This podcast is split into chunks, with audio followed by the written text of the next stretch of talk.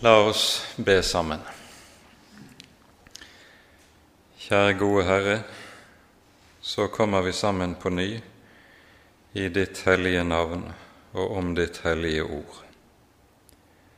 Takk, Herre, at du er den samme i går og i dag og til evig tid. Og Derfor er det ord du har gitt oss, et ord som også taler til oss gjennom hele slekten.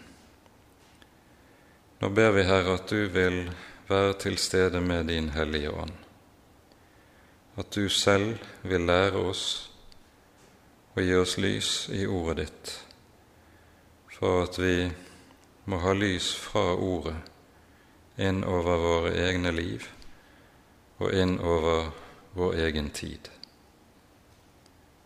Det ber vi, Herre, i ditt eget navn. Amen.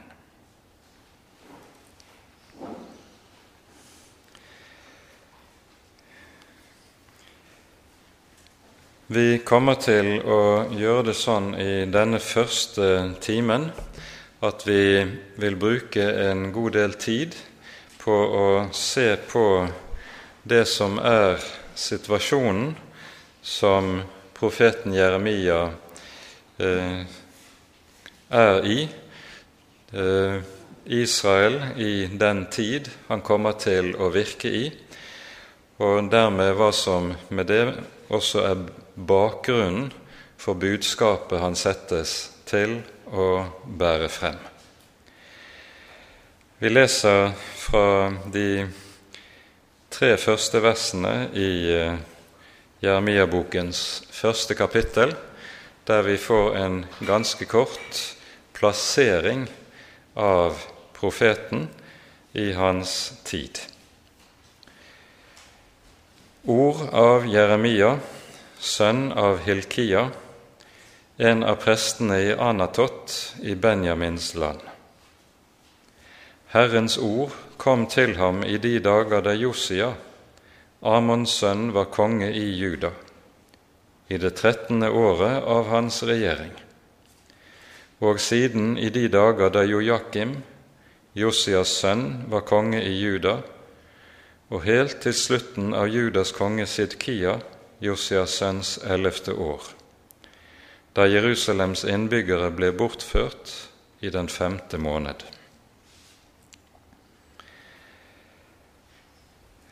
Med den siste setningen så forstår vi hvilken avgjørende og kritisk tid det er Jeremias kommer til å virke i. Jerusalem og Juda, Sydriket, som vi gjerne kaller det for, erobres av babylonerne i år 587 før Kristus. Jerusalem jevnes fullstendig med jorden. Murene brytes ned, tempelet brennes opp og ødelegges, og de av folket som ikke myrdes i forbindelse med krigshandlingene, de føres i fangenskap i Babylon. Jeremia kommer til å virke i de 40 årene som går forut for denne katastrofen.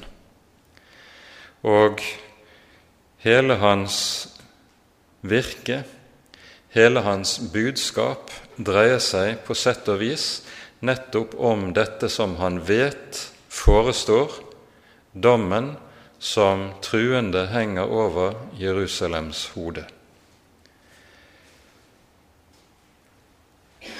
Dette innebærer jo at Jeremias både liv og virke kommer til å finne sted i en helt, helt avgjørende periode i det gammeltestamentlige Guds folks liv.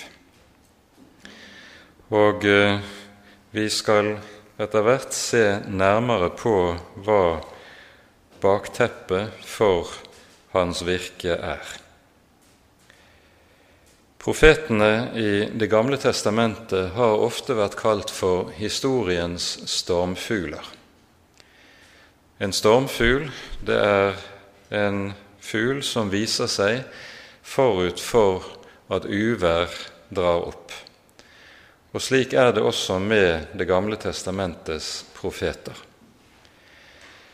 Den profetiske perioden i Det gamle testamentet den begynner rundt år 750, eller mellom år 750 og 800 før Kristus. Dette er den periode i oldtidens historie da de store verdensrikene for alvor begynner å gjøre seg gjeldende. Rundt år 800 ekspanderer det asyriske verdensriket meget raskt. Og det truer etter hvert med å oppsluke også Israel, de to rikene som Guds folk var blitt delt opp i etter Salomos død, Nordriket med sin hovedstad i Samaria og Sydriket med sin hovedstad i Jerusalem. Asyria er et røverfolk. De har en krigsmaskin som ingen i datiden er i stand til å stå seg imot.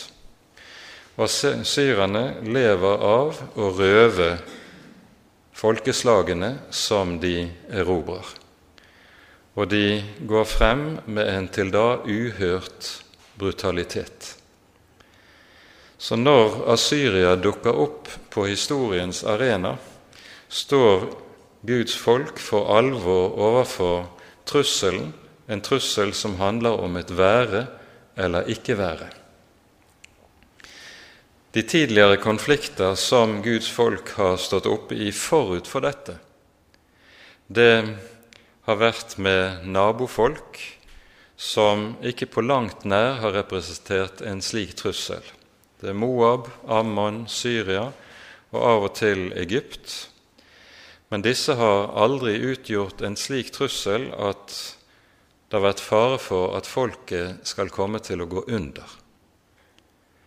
Med Asyrias inntreden på arenaen er situasjonen ganske ny og annerledes alvorlig. Og da blir det da også slik at det er nettopp i denne perioden vi finner Det gamle testamentets skriftprofeter. Disse skriftprofetene kan inndeles etter de tre verdensrikene som de kommer til å virke under. Det asyriske verdensriket eh, gjør seg altså gjeldende fra rundt år 800 inntil det går under, for eh, det må vike for Babylon, og det er rundt mellom 612 og 605 før Kristus det asyriske verdensriket faller sammen som et korthus, og så er det Babylon som trer inn på arenaen. I den asyriske periode er det Jesaja som er periodens hovedprofet. Sammen med Jesaja virker profeten Mika, og som forløper for begge disse profeten Joel. I Nordriket kommer samtidig med Jesaja profetene Amos og Hoseas også til å virke. Alle disse hører til altså den asyriske periode. Så går Nordriket under i år 722. Samaria erobres av eh, eh, asyrerne, og de ti stammene som bor i Nordriket, føres i fangenskap, og hvor det egentlig er blitt av dem, er et av historiens store mysterier. Fra år 700 og frem til Jeremia trer frem på arenaen, er det så en stille periode, rent profetisk. Inntil altså den babyloniske periode tar til, og da er det Jeremia som er periodens hovedprofet.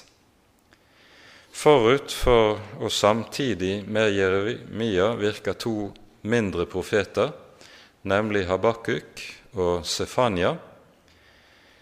Eh, og de eh, virker på en slik måte at de på mange måter bereder veien for Jeremias fremtreden. Samtidig i den babylonske perioden opptrer også profeten Esekiel. Men han virker ikke i Israels land slik Jeremia gjør det. Esekiel blir profet for de av Guds folk som blir bortført til Babylon. Og Esekiel kommer aldri til å sette sine føtter i Israels land. Hele sitt liv og virke, det har han i, altså i Babylon. Og det er også i Babylon Daniel kommer til å ha sitt virke. Så går det babylonske verdensriket under i år 638 før Kristus. Og da er det det persiske verdensriket som avløser Babylon. Og det persiske verdensriket kommer til å dominere på arenaen i hele 300 år frem til det løpes over ende av Aleksander den store. Og i persiske, den persiske perioden er hovedprofeten Sakarias. Sammen med ham har vi to mindre profeter, nemlig Haggai og eh, Malakia, som også hører perioden til.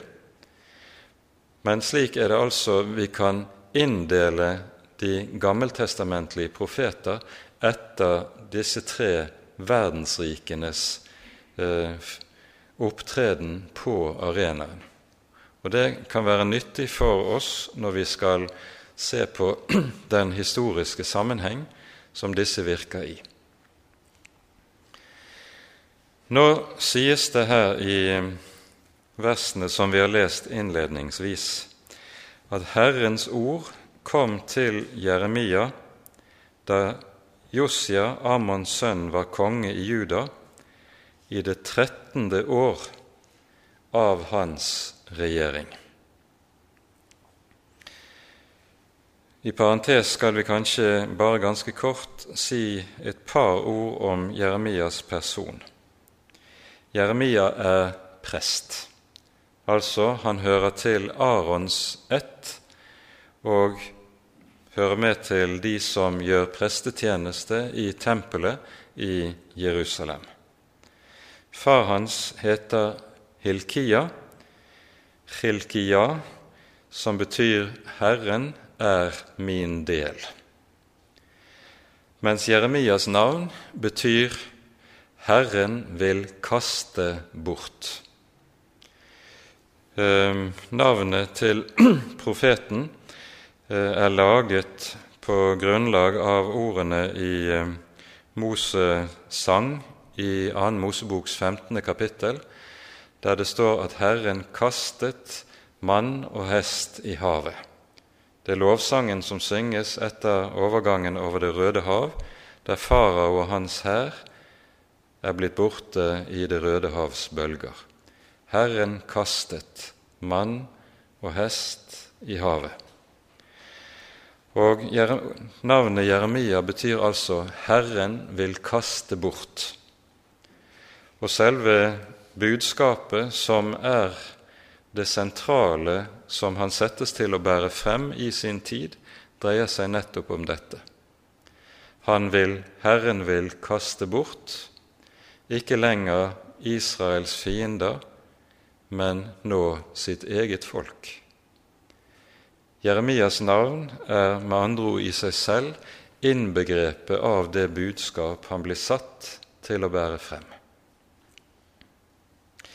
Han bor, hører vi, i Anatot i Benjamins land. Sydriket kommer jo til å bestå av et meget lite område der bare to av Israels stammer eh, hørte hjemme. Det var stammeområdet til Judas stamme og til Benjamins stamme. Benjamins stamme lå som en buffer mellom Judas stamme og de ti stammene i Nordriket. Og Anatot det var det som kalles for en presteby, eh, som lå ca. 1 12 times gange nord for Jerusalem. Det var jo slik i det gamle Israel at eh, levittene og prestene var tildelt egne by, byer eller landsbyer rundt omkring i landet. De fikk ikke noe landområde som de kunne dyrke slik de øvrige stammene fikk det, men fikk tildelt mindre byer. Og Anatot var altså en slik presteby litt nord for Jerusalem. Der har Jeremia sin slekt, og vi hører senere i boken om forholdet Jeremia står i til slekten, som er meget vanskelig. Det som er betydningsfullt i det vi nå leste om kallelsen av Jeremia, det er at Jeremia kalles i det trettende år av kong Josias regjering. Hva er dette? Kong Josias bestiger tronen i Jerusalem eh, rundt år 640 før Kristus. Og vi Jeg tror vi tar oss tid til å lese fra annen kongebok i det 22. kapittel, der vi hører om, litt om Josias Eh, regjering.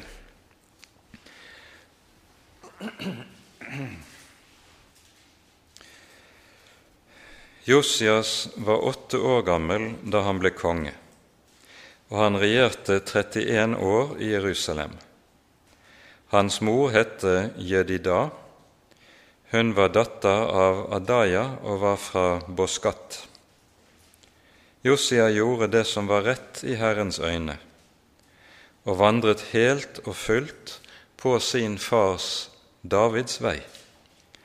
Han vek ikke av, verken til høyre eller til venstre. Og så hører vi om det som så skjer i det attende år av hans regjering. I krønikeboken, i 2. krønikebok 34. kapittel, omtales dette litt mer detaljert. Der står det slik I det åttende året av sin regjering, da Josias enda var en ungdom, begynte han å søke Davids, sin fars Gud. Og i det tolvte år begynte han å rense Juda og Jerusalem for offerhaugene og astartebildene og de utskårne og støpte bildene. Vi hører med andre ord at Josia begynner noe som kalles for en reformasjon i landet sitt i det tolvte år av sin regjering, og i det trettende år er det Jeremia kalles til profet. Og hva er poenget i dette? Kongene i det gamle Israel de hadde et meget klart påbud fra Herren når det gjaldt det som hadde med gudsdyrkelse i landet. De skulle våke over at folket ikke vendte seg til avgudene. For Josias forgjengere hadde vært meget ugudelige. Vi kommer tilbake til det. Og eh, Derfor er det også slik at når Josias kommer på tronen, så er landet fullt av avguder av ulike typer. Så når Josia kommer til Kjells år og alder, når han blir myndig i hans tolvte år på tronen, han er altså 20 år gammel, da er det han kalles. Han starter sitt reformasjonsverk. Og som konge som har den ytre makt, så står det i hans makt å rydde unna alle avgudsaltere og avgudsbilder som finnes i landet, hvilket han også gjør. Men kongen har jo ingen mulighet til å reformere hjertene. Det er det som er profetens oppgave. Når Jeremia kalles, så består hans gjerning og hans kall, som han settes til av Herren, ved Guds ord å søke å omvende hjertene, mens Josia skal altså reformere landet på det ytre plan. Og så blir disse to, Josia, kongen, og Jeremia, profeten, de som sammen skal søke å vende folket tilbake til Herren. Det dette konkret innebærer, er at Josias kongetid eller regjeringstid det er det gammeltestamentlige Israels siste nådetid. Når Josias dør, 31 år et, etter å ha fullført 31 år av sin regjering, nemlig i år 609, så etterfølges han av en av sine sønner, Jojakim, som er meget ugudelig. Og etter Jojakim kommer en annen sønn av Josia på tronen, Sidkia, som er enda verre. Jojakim regjerer ca. ti år, Sidkia også ca. ti år, og i Sidkias tiende regjeringsår kommer Babylon veltende, og Jerusalem faller. Josias regjeringstid er det gammeltestamentlige Israels siste nådetid. Dette er overmåte viktig å være klar over dersom vi skal forstå Jeremias budskap.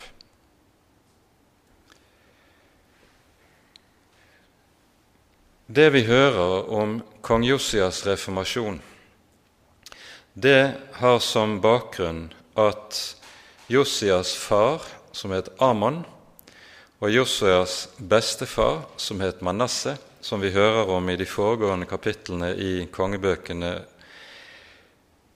det var de mest ugudelige av alle kongene som regjerte i Jerusalem. Manasseh regjerer i Jerusalem i 55 år.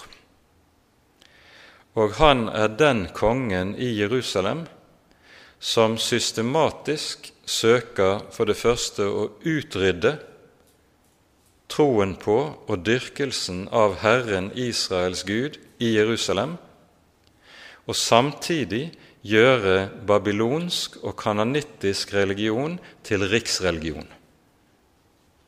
Dette er noe Manasseh gjør helt systematisk.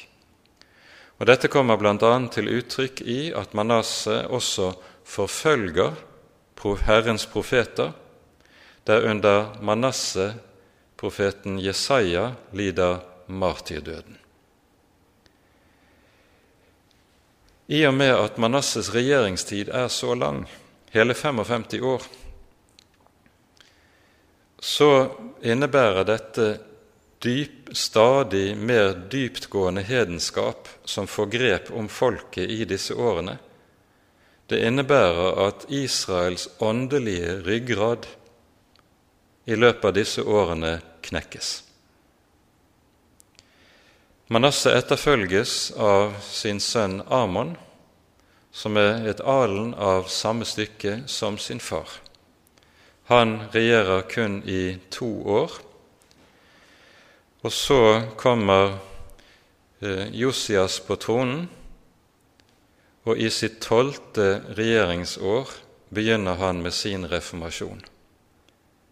Det innebærer, hvis vi legger sammen disse tallene, at disse årene der hedenskapet er det, det herskende i Jerusalem, det er 70 år. Og til disse 70 årene med hedensk herrevelde i Jerusalem svarer det som vi senere hører et par ganger i Jeremia-boken, at Jeremia sier at folket skal være 70 år i fangenskap under Babylon. De 70 årene under hedenskapet fra Manasse sin tid, det er så å si Israels åndelige eksil. Og dette åndelige eksil etterfølges altså av et bokstavelig ytre eksil, der folket føres i fangenskap i Babylon. Dette er den bibelske sammenhengen i dette som vi står overfor her. Vi forstår av det vi leser i annen krønikebok, kapittel 34, at Josia altså starter sitt reformasjonsverk i sitt tolvte regjeringsår, og dette skyter fart frem til det attende regjeringsåret. Men i det attende regjeringsåret av Josias styre så skjer det noe ganske spesielt og som gjør at kongebøkene i sin fremstilling eh, forteller det slik som om Josias gjennomfører hele sin reformasjon kun i det 18. året. Dette blir mer altså detaljert utmalt for oss i 2. krønikebok i det 34. kapittel. Kongen sender noen eh, av sine øverste til tempelet for å ordne med pengegavene som er kommet inn til restaurasjonen av tempelet som var kommet i dypt forfall i de foregående år. Og Så leser vi fra vers 14 i 2. krønikabok, kapittel 34. Da de nå tok ut de pengene som var kommet inn til Herrens hus, fant presten Hilkia boken med Herrens lov, som var gitt ved Moses. Og Her brukes det i grunnteksten et særegent uttrykk. Eh, det står bokstavelig 'som var gitt ved Mose hånd' noe som antagelig betyr at den lovboken som blir funnet her, det er den kopi av de fem Mosebøker som Moses fikk befaling av Herren om å skrive, og slik vi hører det i avslutningen av femte Mosebok.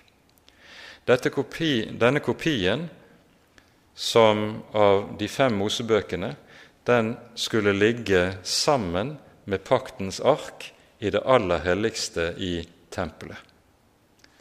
I forfallstiden under Manasseh så er det enten slik at en ugudelig prest har kastet det i denne lovrølen i et hjørne for å bare få den vanhelliget, eller det kan ha vært en tro prest som har stukket den unna for at den skal bevares. Det vet vi ikke noe om. Det som betyr noe, er at nå gjenfinnes lovboken ved Mose hånd. Og så leser vi videre. Da tok Hilkia til orde og sa til statsskriveren Shafan.: Jeg har funnet lovboken i Herrens hus. Og Hilkia overga boken til Shafan. Shafan bar boken til kongen, og han ga med det samme melding til kongen og sa:" Dine tjenere gjør alt som er dem pålagt. De har tømt ut de pengene som fantes i Herrens hus, og har overgitt dem til tilsynsmennene og til dem som forestår arbeidet. Statsskriveren Shafan fortalte kongen at presten Hilkia hadde gitt ham en bok, og Shafan leste opp av den for kongen. Da kongen hørte lovens ord, flerret han sine klær. Og kongen bød Hilkia og Akikam, Shafans sønn, og Abdon, Mikas sønn, og statsskriveren Shafan og kongens tjener Asaya.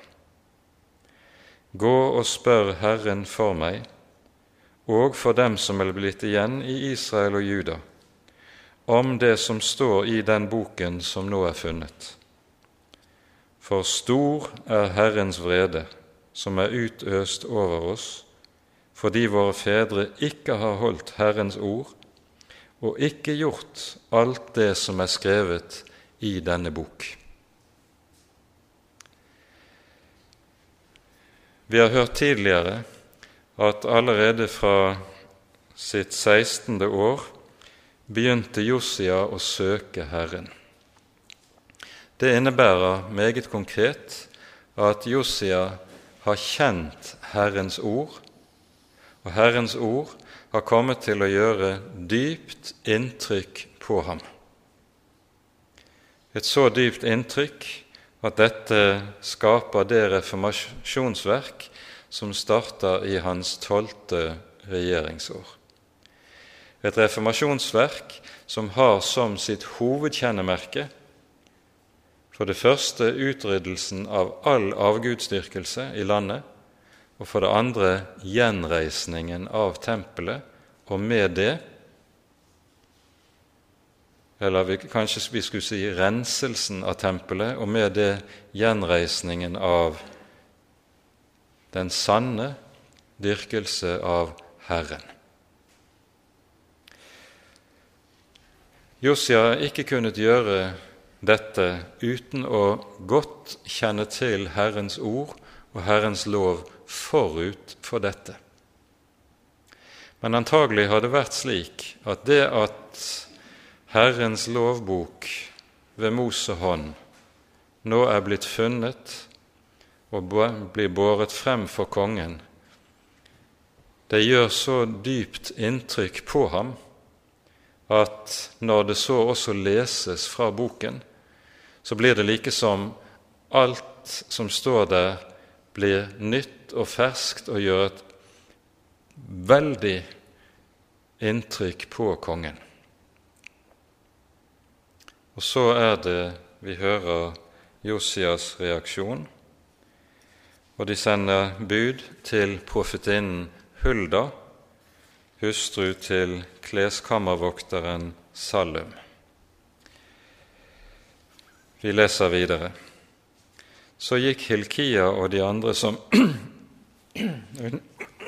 Unnskyld. Og de andre som kongen sendte til profetinnen Hulda, ektefelle til kleskammervokteren Shalum, sønn av Tokat, Kasras sønn. Hun bodde i Jerusalem, i den annen bydel, og de talte med henne slik som det var dem pålagt. Hun sier til dem, Så sier Herren Israels Gud, si til den mann som har sendt dere til meg, så sier Herren, se, jeg fører ulykke over dette sted og dets innbyggere alle de forbannelsene som er skrevet i den bok de har lest for Judas konge, fordi de har forlatt meg og brent røkelse for andre guder for å vekke min harme med sine henders gjerninger. Min vrede skal utøses over dette sted, og den skal ikke slukkes. Og til Judas konge som sendte dere for å spørre Herren. Til ham skal dere si så. Så sier Herren, Israels Gud, om de ordene du har hørt. Fordi ditt hjerte ble mykt, og du ydmyket deg for Guds åsyn da du hørte Hans ord mot dette sted og dets innbyggere, fordi du ydmyket deg for mitt åsyn og flerret dine klær og gråt for mitt åsyn, så har også jeg hørt, sier Herren. Så vil jeg da samle deg til dine fedre. Du skal samles med dem i din grav i fred. Dine øyne skal ikke se all den ulykke jeg vil føre over dette sted og dets innbyggere. Med dette svaret vendte de tilbake til kongen. Vi hører her at Hulda kommer med et todelt budskap, et todelt svar til kong Josias. Det første delen av svaret dreier seg om nasjonen og om folket. Og Herren kunngjør med bestemthet at dommen står fast. Den vil ikke la seg rokke, den kommer. For det andre kommer det også et ord til kongen selv, nemlig fordi han har ydmyket seg under Herrens ord, så skal dommen ikke komme i hans tid. Dette innebærer for disse ordene som profetinnen her bærer frem, det er jo ord som ikke kommer til å være hemmelig. Det blir ord som blir kjent for folket. Og folket vil med dette vite at så lenge Josias lever, så lenge vil vi leve. Så lenge vil vi ha håp så lenge vil nådetiden være for vår del. Men den dag kong Josias dør, står dommen for døren. Dette er kanskje også bakgrunnen for det vi hører om den store sorg som bryter løs i Jerusalem den dagen Josias dør, i år 609. Det skal vi komme tilbake til. Når dommen på denne måten står fast sånn som vi hører det, så sies det en rekke steder, både hos profeten Jeremia og i kongebøkene, at årsaken til den dom som forestår, det er de synder som kong Manasseh gjorde, og som han fikk folket til å gjøre. Dette er årsaken til at dommen står fast. Og la oss bruke noe tid på akkurat det. Det som er grunnleggende i Guds folks liv i Det gamle testamentet, det er at Herren har trådt inn i pakt med sitt folk. Og Denne pakten kalles for en trolovelsespakt i en rekke sammenhenger i Det gamle testamentet. Denne pakten ble sluttet ved Sinai. Vi leser om det i det 24. kapittel i 2. Mosebok. Og pakten er som et ekteskap det er noe som er gjensidig bindende og forpliktende.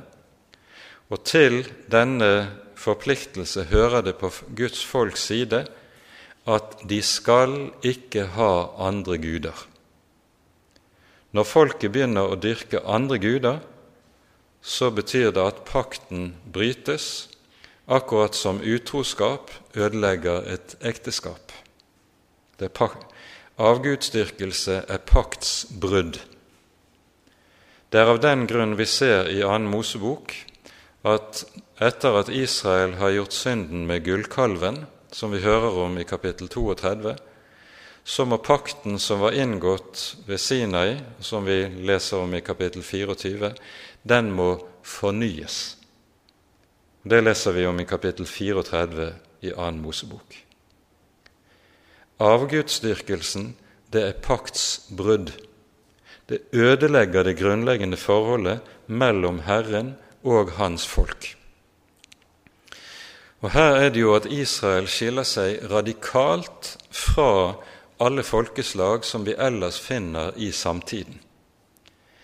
I det første bud så sies det 'Du skal ikke ha andre guder foruten meg'.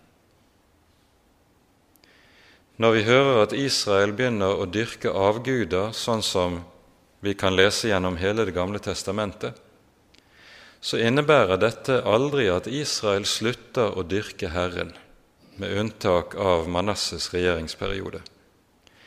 Det innebærer at Israel dyrker andre guder samtidig med at de dyrker Herren. For dette var den alminnelige oppfatning i hele oldtiden at du har din Gud, jeg har min Gud, og det ene kan vel være like godt som det annet. og så dyrker man, eller påkaller man, den ene Gud for ett behov og en annen Gud for andre behov.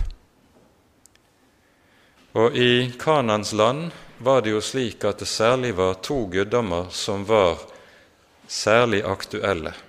Det var Baal og Astarte.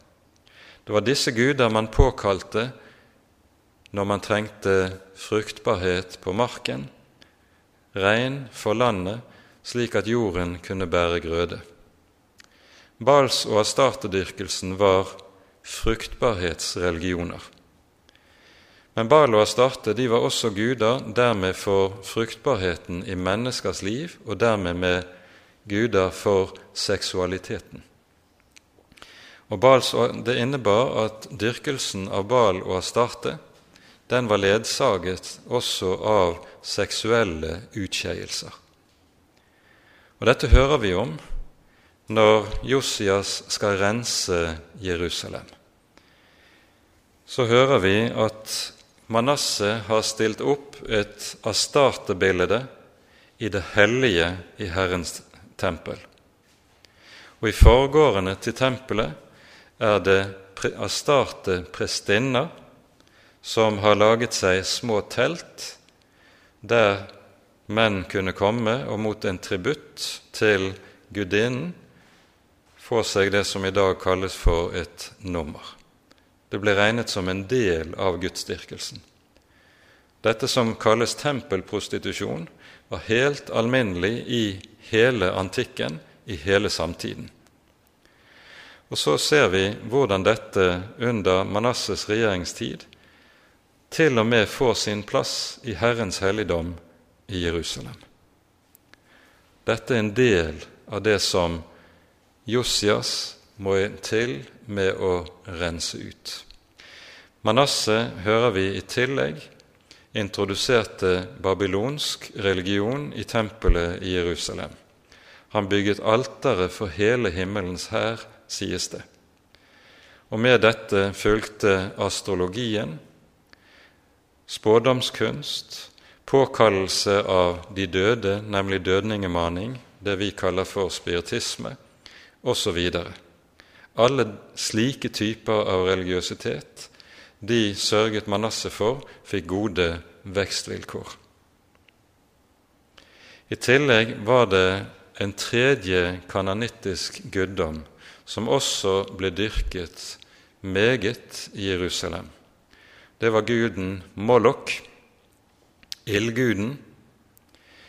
Og det sies gjentatte ganger om ulike av de frafalne konger i Israel at de lot sin, sine sønner gå gjennom ilden for Mollok. Det innebar og betydde rett og slett barneofringer. Disse barneofringene ble bedrevet i dalføret som ligger sydvest for Jerusalem, Hinnoms dal. Og også Manasseh, og Manasses fortelles det at han lot sin sønn gå gjennom ilden for Målok. Avgudsdyrkelsen som ble tillatt og introdusert av Manasseh, var dyptgripende, og den var forferdelig. Det er alt dette Josias tar tak i, og han gjør det på en måte som er meget effektiv.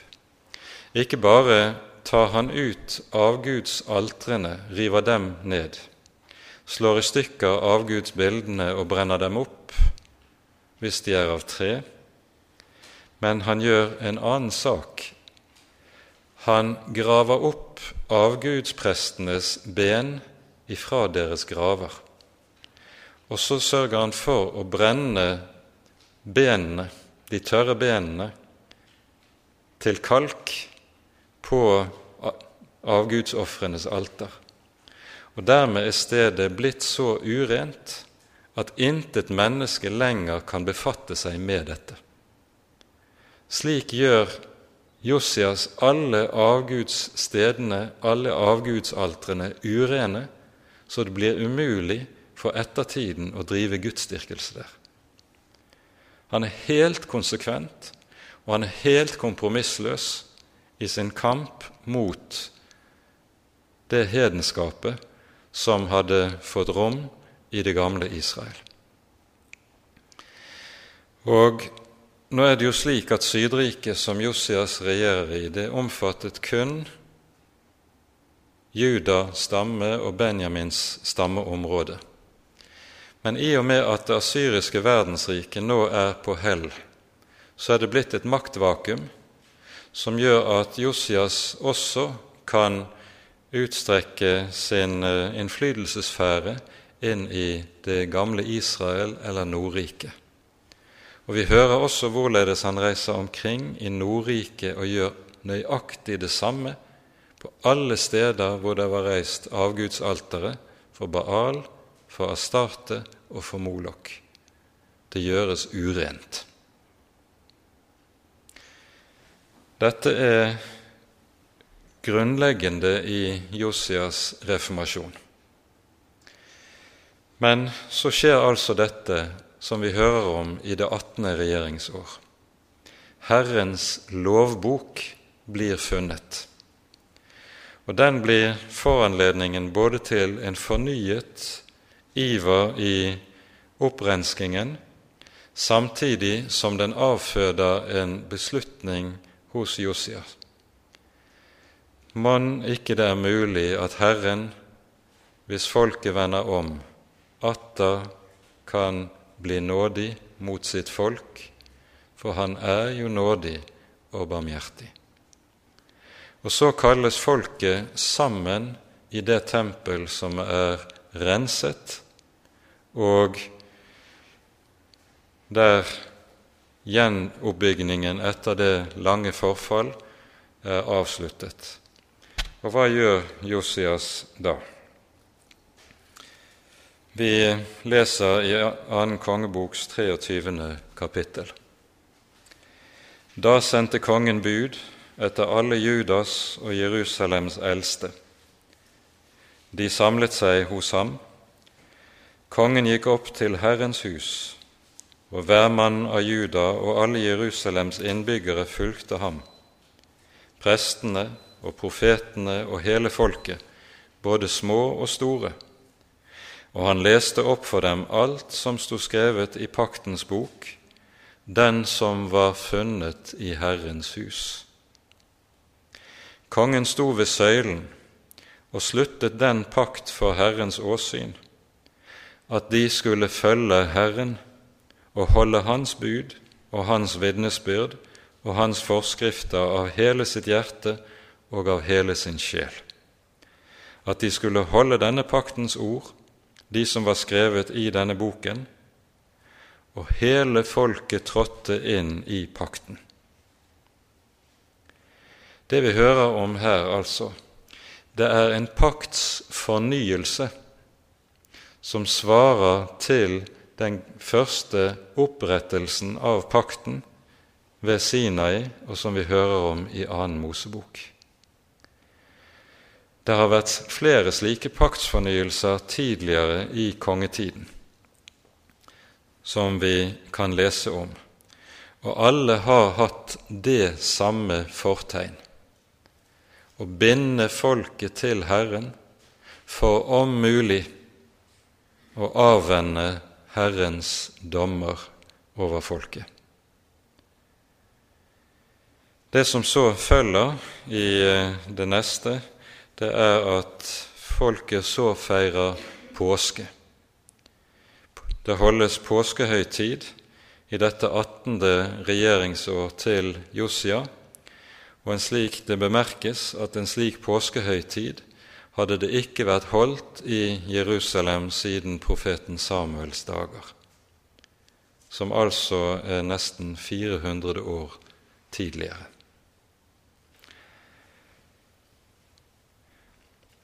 Det som vi her er vitne til, det er at eh, ordene som vi hører i forbindelse med Salomos bønn når tempelet i Jerusalem innvies.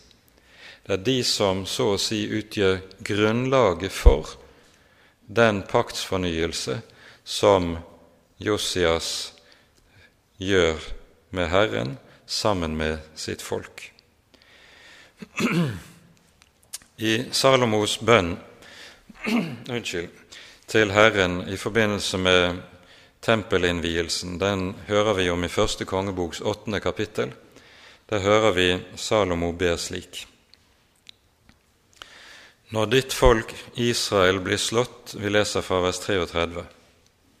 Når ditt folk Israel blir slått av fienden fordi de synder mot deg, men de så vender om til deg og bekjenner ditt navn og ber og bønnfaller deg om nåde i dette hus, da vil du høre det i himmelen og tilgi ditt folk Israels synd og føre dem tilbake til det land du har gitt deres fedre.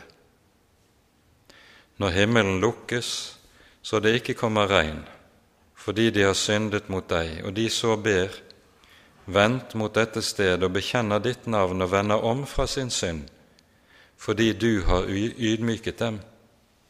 Da vil du høre det i himmelen og tilgi dine tjeneres og ditt folk Israels synd.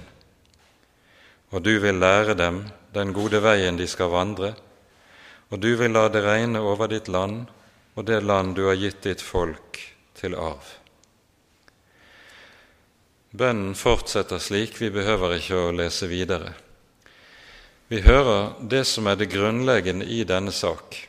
Det er hvorledes Herren sender sine historiske dommer over folket, men dersom folket ydmyker seg og påkaller, angrer og påkaller Herren, takk, så vil Herren være nådig. Og Dette er noe vi ser på ny og på ny skje gjennom det gammeltestamentlige Israels historie. Om Josias leste vi jo, som vi hørte, følgende Han sønderrev sine klær og var meget forferdet over de Herrens ord som ble lest for ham. Hundre år tidligere så har profeten Jesaja talt til folket, og vi leser i Jesaja-boken slik i kapittel 66. Den jeg vil se til, det er den elendige, den som har en sønderbrutt ånd og er forferdet over mitt ord. Dette er et løfte som gjentas en rekke steder gjennom Den hellige Skrift. Den jeg vil se til, det er den som har en sønderbrutt ånd og er forferdet over mitt ord. Når Herren forkynner sine dommer, så åpenbares med det Herrens hellighet, Herrens vrede over synden, over frafallet. Men der mennesket hører, forferdes over Herrens ord, slik at de vender om, der er det alltid håp. Og det er dette som er bakgrunnen for Josias paktsstiftelse eller fornyelse med folket, det er håpet om at dommen skal avvendes.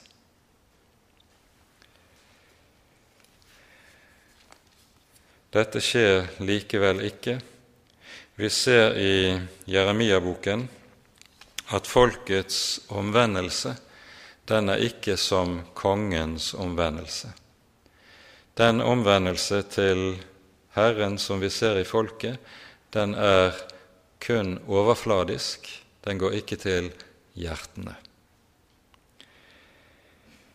Så slutter eh, kongebokens beretning om Josia med følgende ord, 2. kongebok 23, vi leser fra vers 28.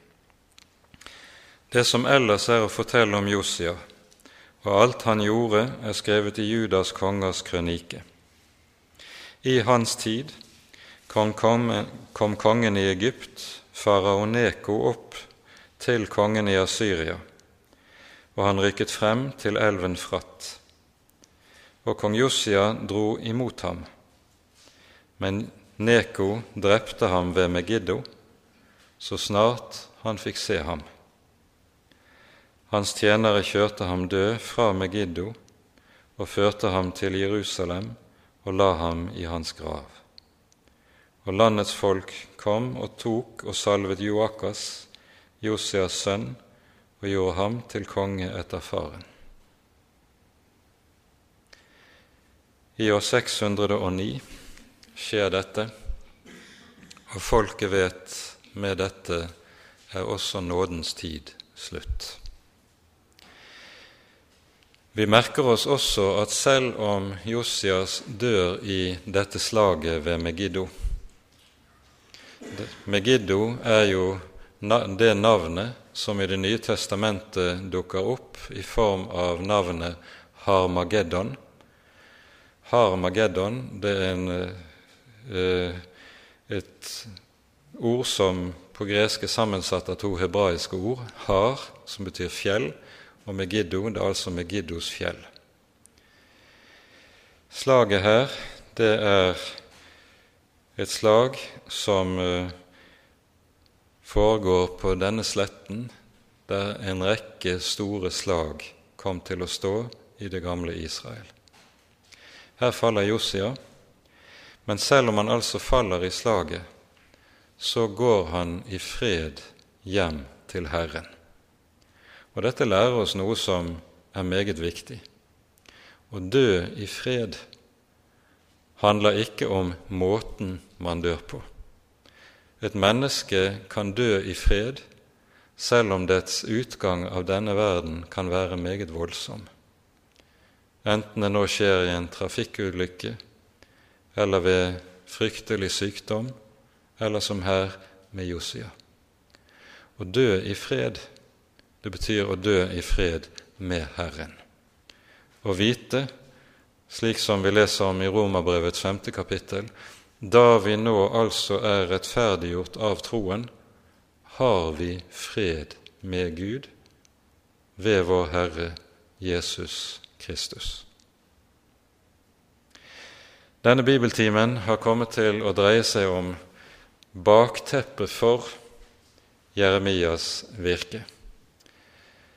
Og vi forstår med det tidsbildet som vi her har fått, hva som dermed også kommer til å bli hele karakteren av Jeremias profetiske virke.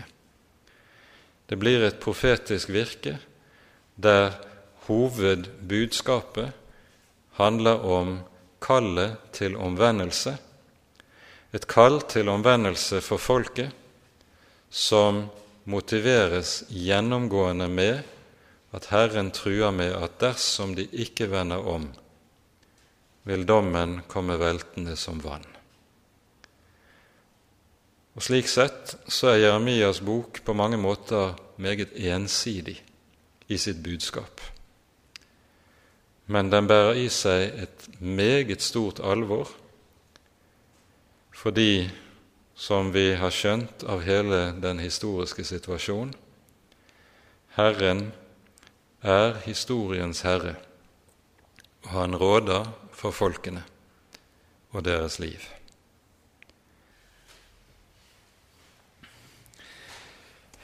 Ehm, før vi åpner spørsmålsrunden, så har jeg lyst til bare å fylle ut med noe som Jeg var litt, jeg var litt lei for jeg glemte en sak.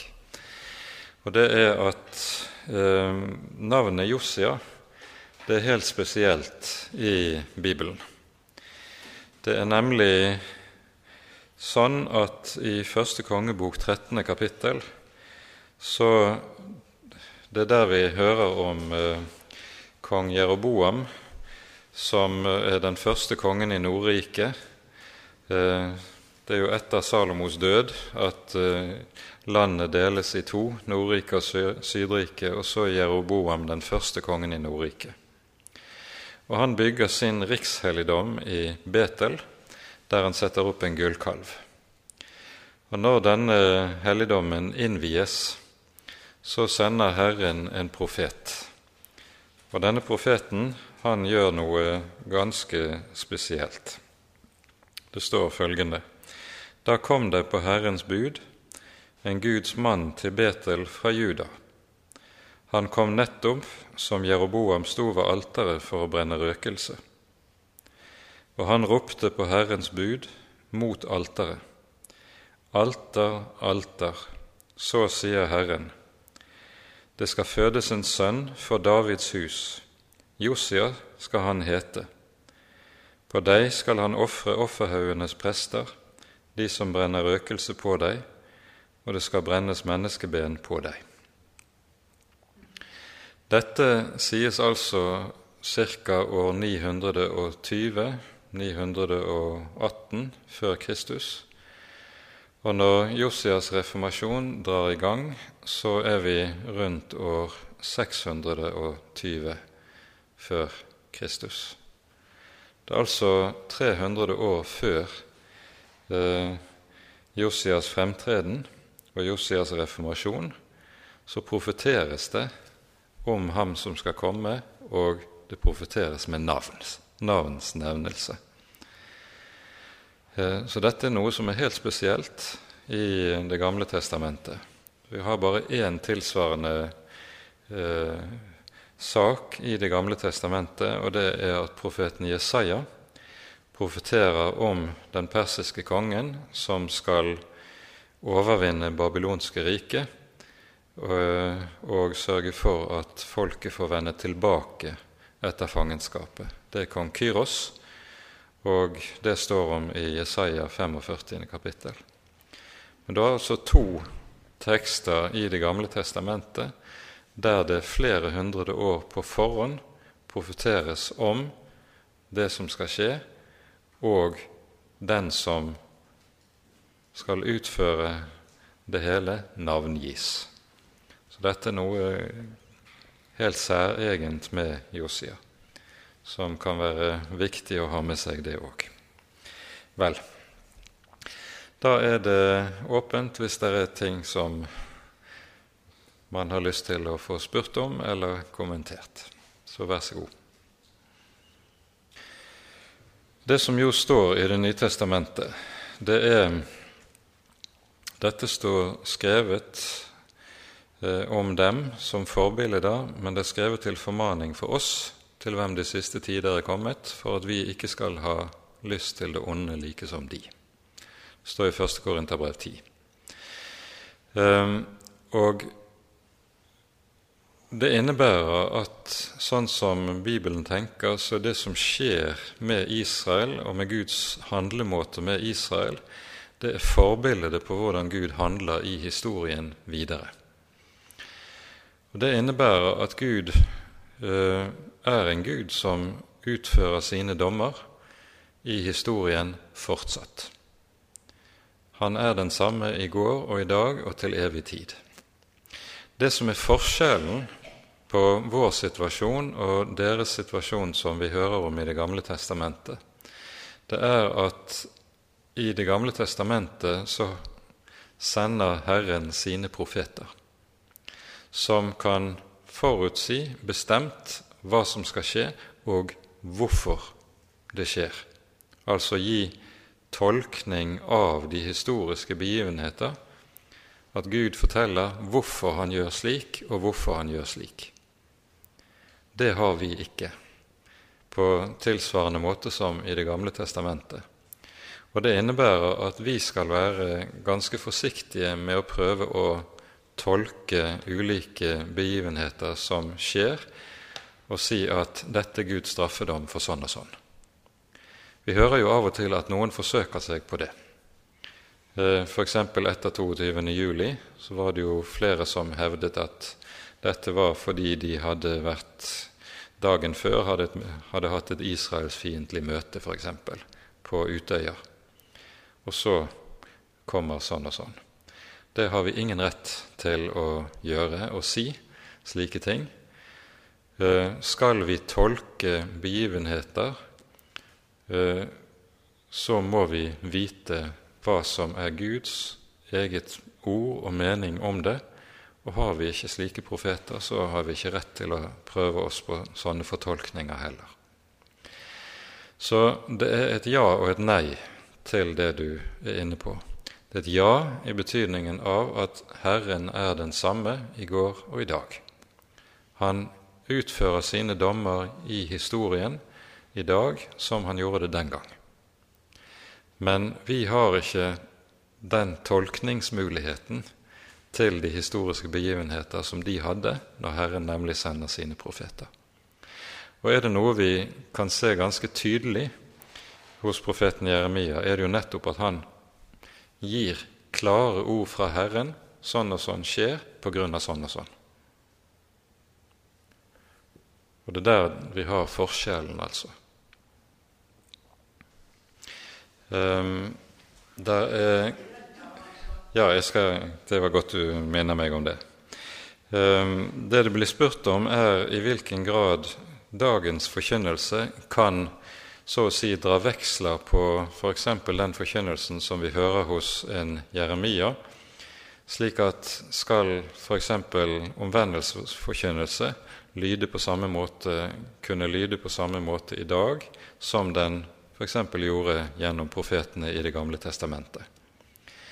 Til det er det også å svare et både-og.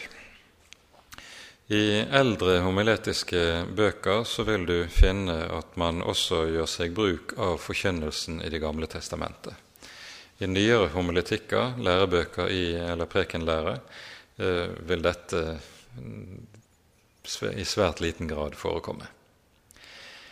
Eh, et par viktige trekk, og det kommer vi til å se når vi går inn i Jeremias budskap. Det første er jo det at Jeremia er dypt fortrolig med det Guds ord, det skrevne Guds ord, som han hadde. Jeremia drar store veksler, ganske særlig på budskapet som vi finner i Femte Mosebok. Eh, jeg tror vi har lov til å si at det aller meste av Jeremias budskap er gjennomvevet av fortroligheten med Femte Mosebok. Sånn at Jeremia er ikke bare en som får så å si sitt budskap direkte ovenfra Gud, fra Gud, men han i veldig stor utstrekning så hentes budskapet også fra det skrevne Guds ord som han allerede har for hånden.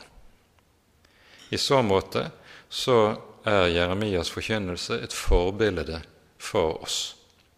Det er, handler om å, bruke det Guds ord som er oss gitt, og stå i fortrolig forhold til dette ord.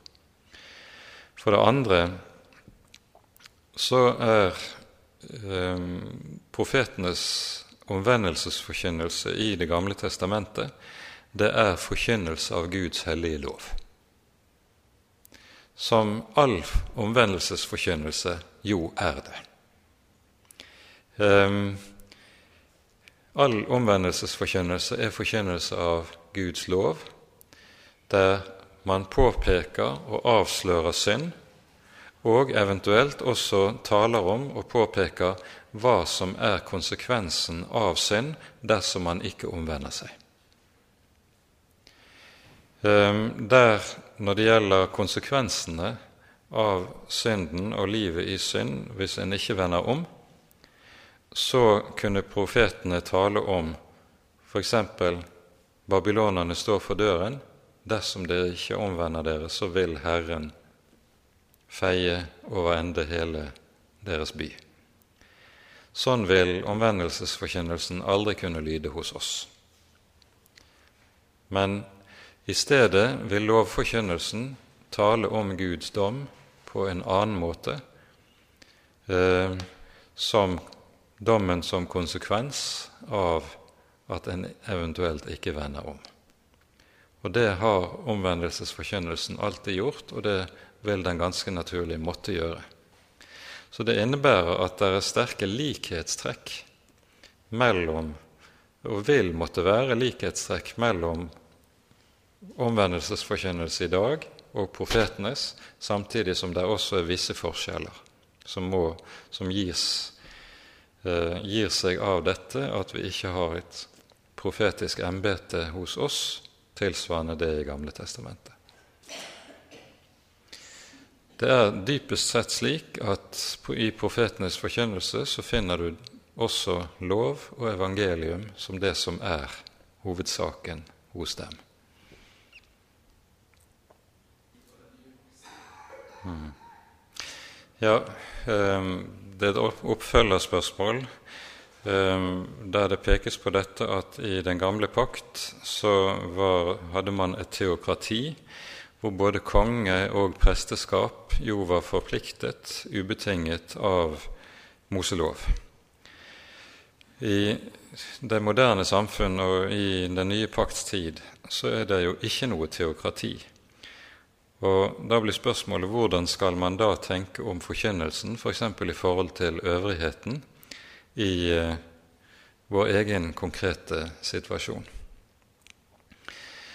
Um, det er et ikke så helt enkelt spørsmål å svare på, men jeg tror det er helt riktig som du er inne på, at vi kan ikke forkynne overfor øvrigheten som om den eh, tilsvarer den øvrighet man hadde i den gamle pakts tid. Det tror jeg er helt riktig. Men, og det er et stort men her, slik Bibelen taler om Guds hellige lov, så er Guds lov noe som ikke utelukkende gjelder for de som er troende. Loven er noe som gjelder for alle mennesker. Og Det innebærer at Gud forplikter alle mennesker, høy og lav, på sin hellige lov. Konkret betyr det i vår situasjon at når statsmakten bryter Guds bud, f.eks. gjennom abortlovgivningen, da handler det om synd mot det femte bud, og det vil være en del av forpliktelsen for, for forkynnelsen at dette fremholdes. For her brytes noe som er Guds lov for menneskelivet.